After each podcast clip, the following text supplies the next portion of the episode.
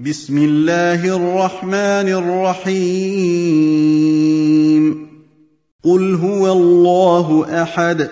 يقول الله تبارك وتعالى للنبي صلى الله عليه وعلى آله وسلم قل هو الله أحد. وهذا الخطاب للرسول عليه الصلاة والسلام ولل وللأمة أيضا.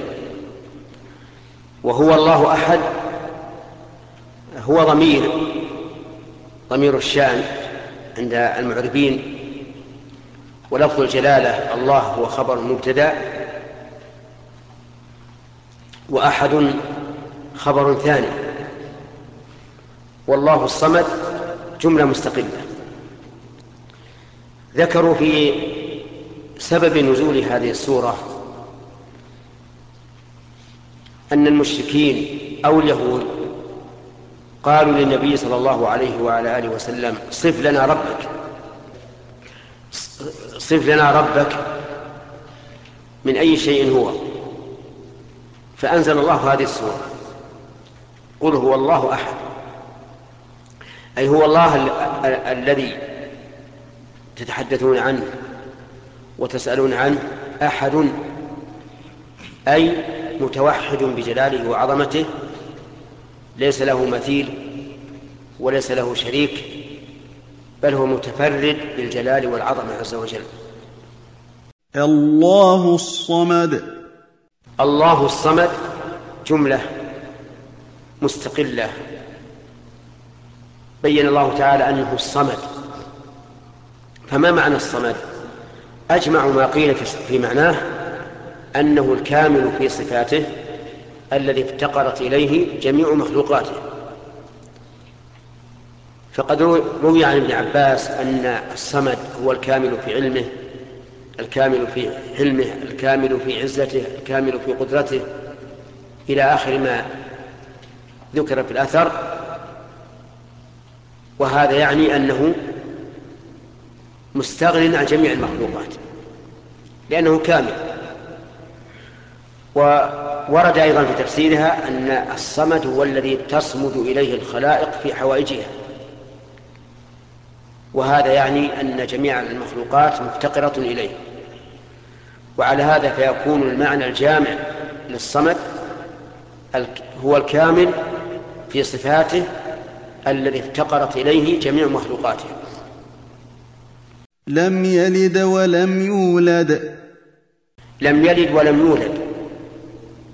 لم يلد لأنه جل وعلا لا مثيل له والولد مشتق من من من والده وجزء منه كما قال النبي صلى الله عليه وعلى آله وسلم في فاطمة إنها بضعة مني. والله جل وعلا لا مثيل له.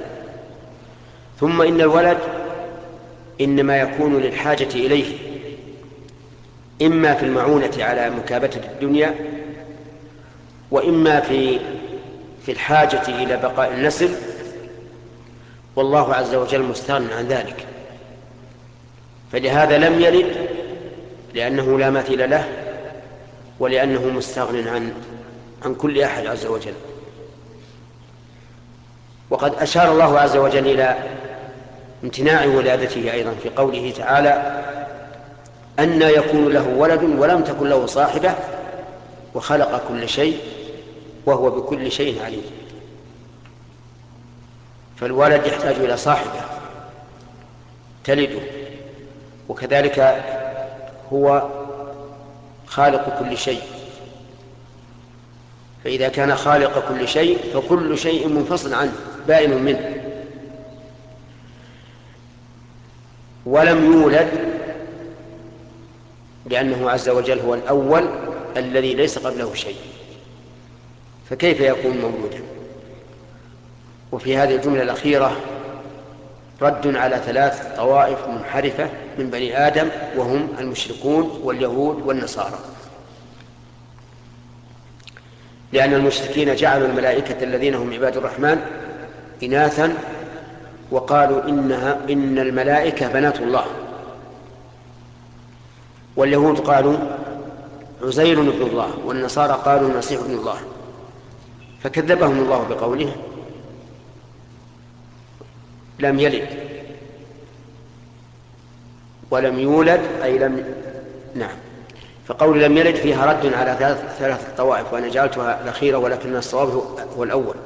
لم يلد رد على ثلاث طوائف من بني آدم كلها ضالة المشركون واليهود والنصارى. لأن المشركين يقولون إن الملائكة بنات الله والنصارى يقولون إن المسيح ابن الله واليهود يقولون عزير بن الله.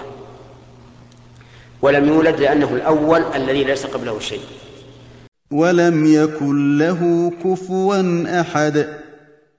ولم يكن له كفوا أحد أي لم يكن له أحد مساويا في جميع صفاته.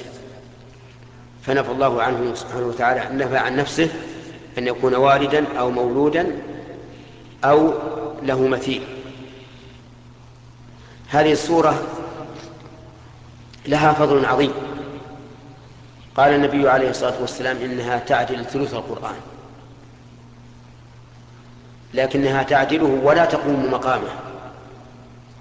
تعدل ثلث القرآن لكن لا تقوم مقام ثلث القرآن. بدليل أن الإنسان لو كررها في الصلاة الفريضة ثلاث مرات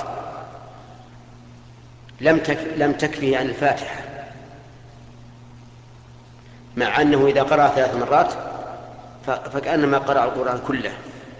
لكنه لا لا لكنه لا لا تجزي لكنها لا تجزي عنه. ولا تستغرب أن يكون الشيء معادلا للشيء ولا ولا يجزي عنه.